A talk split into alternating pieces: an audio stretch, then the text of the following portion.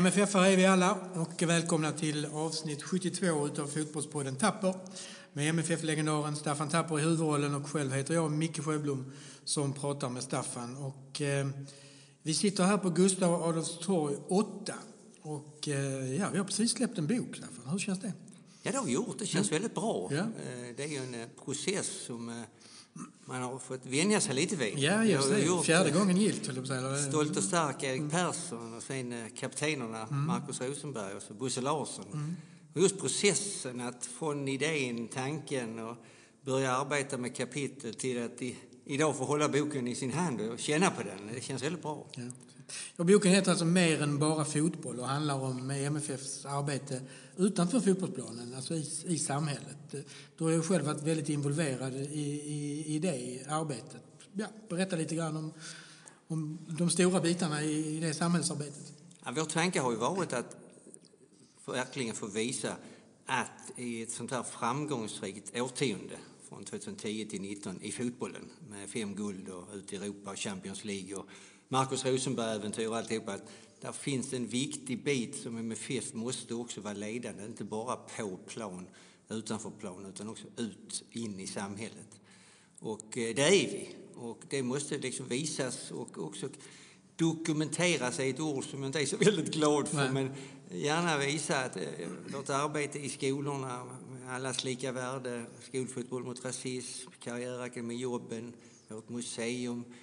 Pratar gärna om ett levande eh, DNA, alltså det naturliga arvet från klubben bakåt, från klubben började till genom Erik Persson, Cavalli, Bengt, Håkan och boken avslutas med Anders Paulsson som summerar lite framtiden. Så att vi har försökt få med de bitarna som vi tycker är viktiga och som MFF också tycker är viktiga. Att vi måste ut lite grann från stadion, ut i samhället och ta ställning i de här viktiga frågorna som skola, integration, jobb.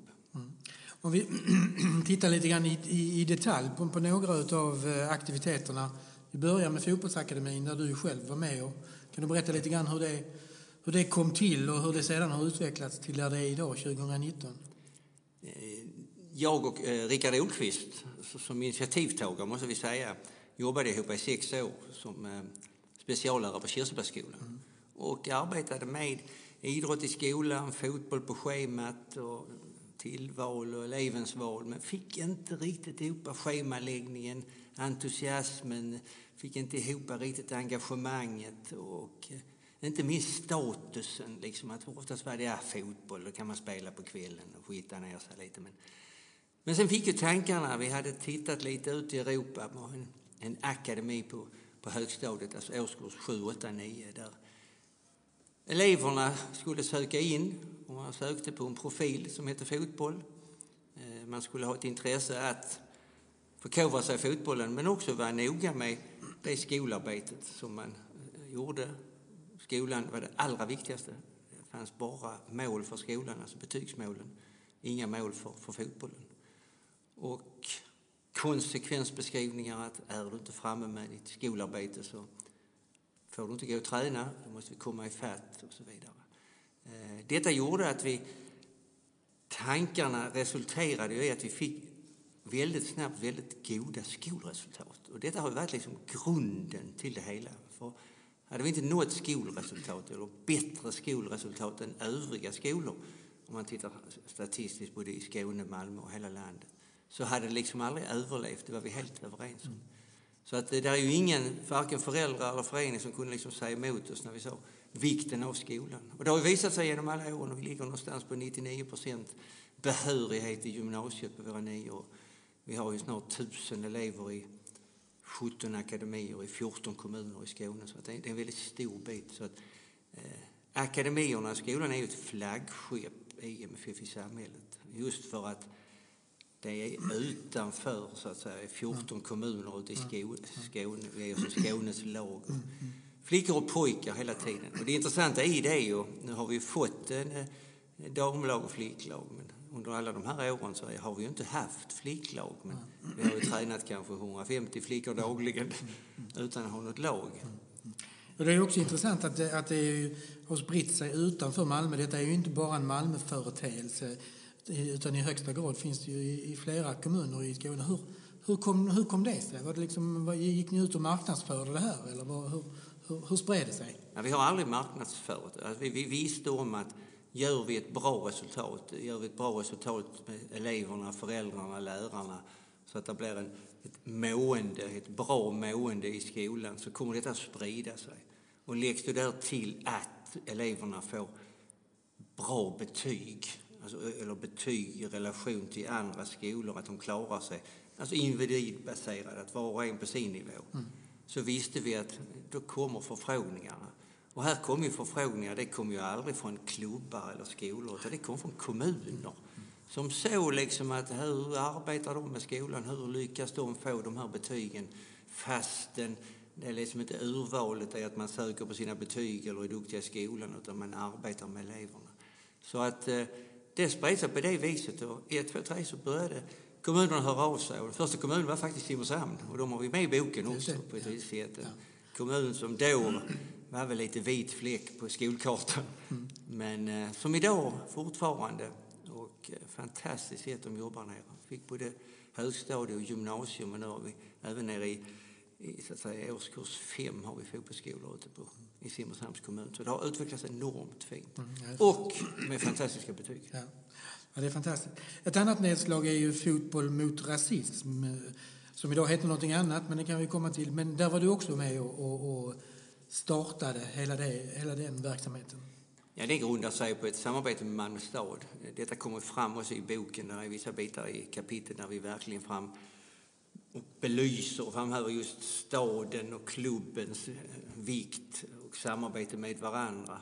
Här var det staden som frågade oss om vi kunde ha ett samarbete just med Fotboll mot rasism. Malmö stad var med i en organisation som heter ECKA som var liksom en organisation där städer mot så att säga, rasism och lika värde. Och vi gick ihop och slog våra kloka huvuden och sa att vi kan spela en match på Stadion. Vi bjuder in Barcelonas ungdomslag, möter dem.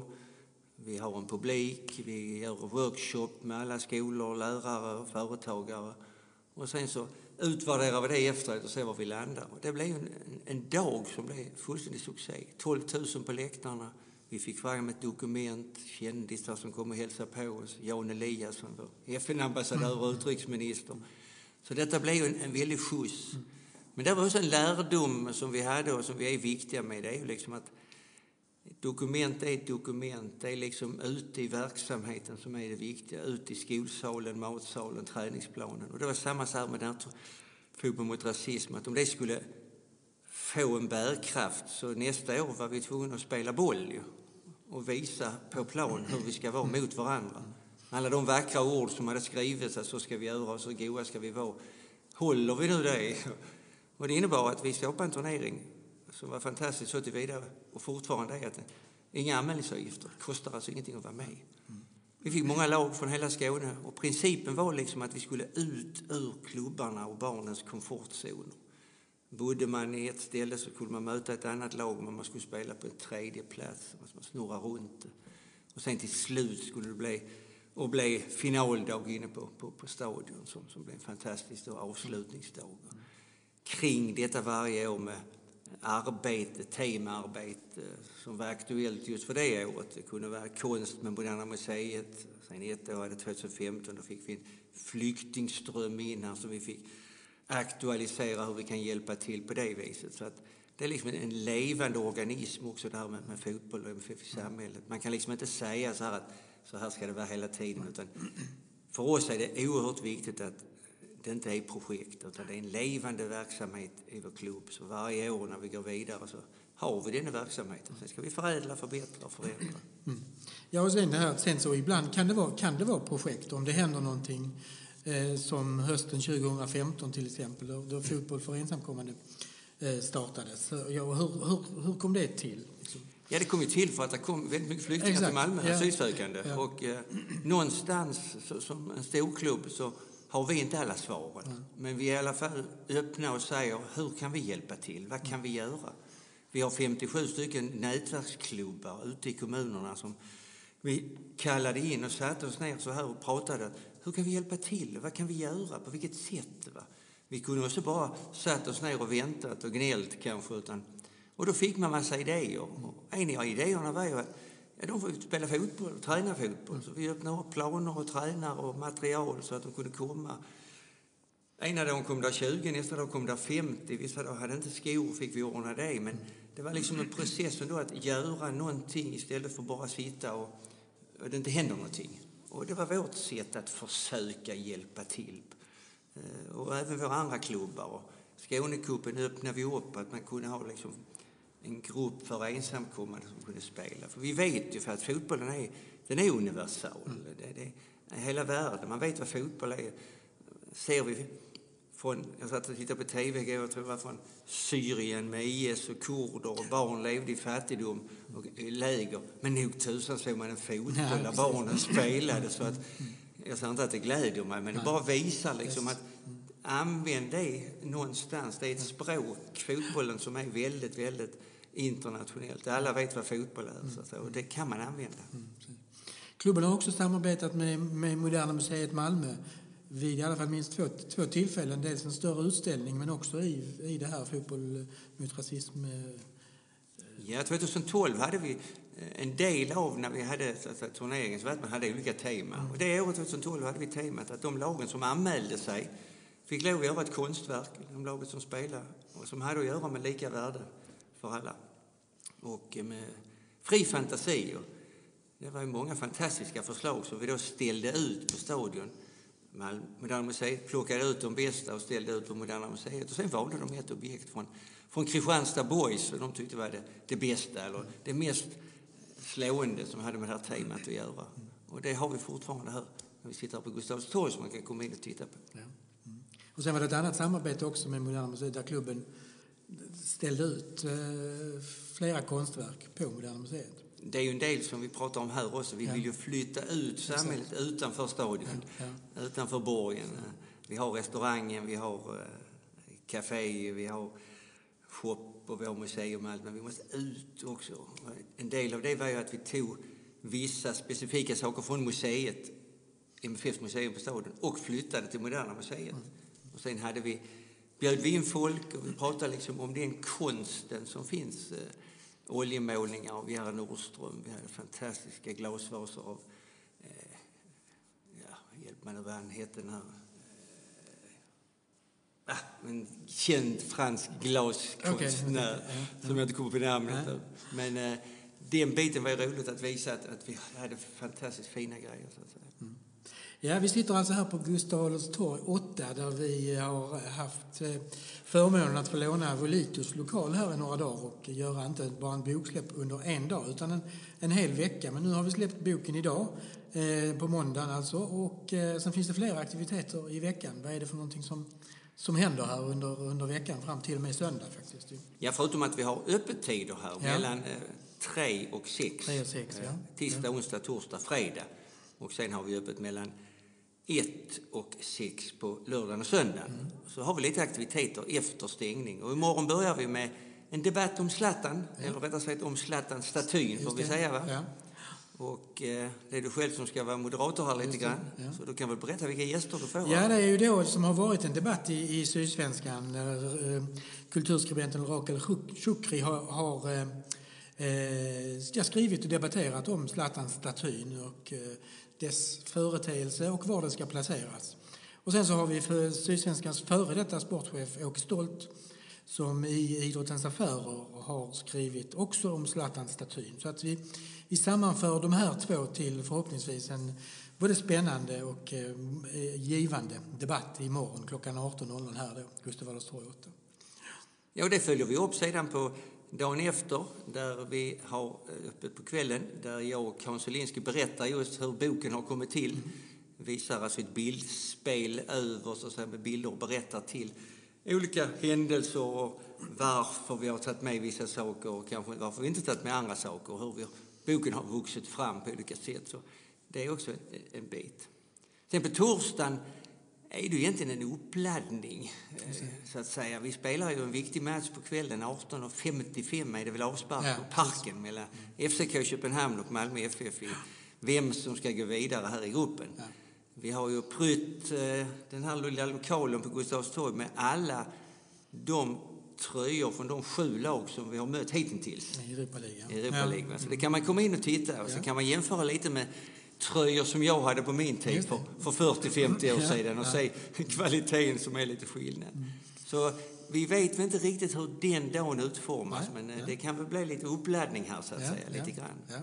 Sen har vi så att säga på fredagen har vi bjudit hit Volito Mm. för att presentera det vi håller på med som ett tack för att vi har fått låna den här fantastiska lokalen. Mm. Och sen har vi öppet så att säga tredje advent hela lördagen och söndagen för förhoppningsvis goda samtal, goda träffar och goda diskussioner Mm. och försäljning av boken. Av boken, ja. Precis.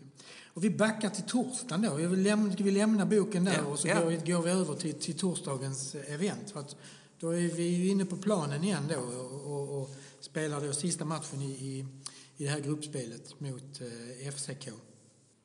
Ja, vad ska vi säga om den? För, förutsättningar för den matchen. Det är Marcus Rosenbergs sista match. I, i, eh, vi hade ju en fantastisk hyllning hemma och nu blir det sista matchen. I, Det är väl ingen som kan ha undgått nej, det är väl inte det. att det är sista mötet. Jag har väl reagerat för, inte minst eh, när jag läste nu, för skillnaden tyvärr är ju att FCK är mitt uppe i ett ligaspel. Eh, Man hade en kommentar nu i tidningen att de mötte, tror jag, Nordsjälland och eh, var ingen bra match och allt det här, men det är ändå en tävlingsmatch. De tog poäng, det gäller poäng. Och då jämför man med att vi åkte ner till, till Spanien och mötte något lag, eh, från, om det var Gibraltar eller sidan om Gibraltar, men liksom motstånd och bara för att hålla igång spelarna. Så att det är liksom vilken intensitet man har haft här innan de här matcherna. Eh, Det tror jag kan fälla ett väldigt, väldigt stort avgörande. Förutom att FCK är ett väldigt bra lag.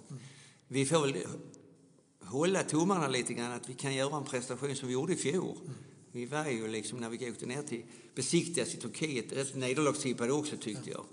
Eh, vi gjorde ett mål och sen stängde vi den matchen på ett fantastiskt sätt, även om de hade många bra chanser. Men vi tog oss vidare.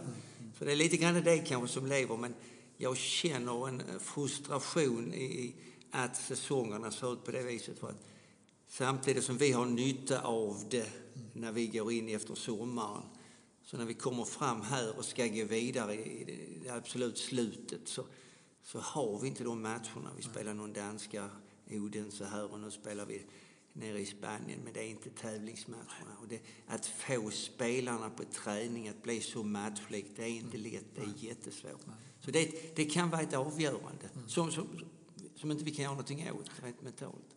Samtidigt så lite orolig ändå så att inte det blir oroligheter på läktarna. Jag har, har den känslan på något vis med de här skriverierna som finns att det ligger en, en dold bit och pyr som en liten vulkan som att om man öppnar någon slussar någonstans så kommer det fram väldigt mycket skräp. Och jag hoppas båda supportorganisationerna kan så att säga ta oavsett hur det blir. Jag tror det blir svårt för det blir en jätteviktig match.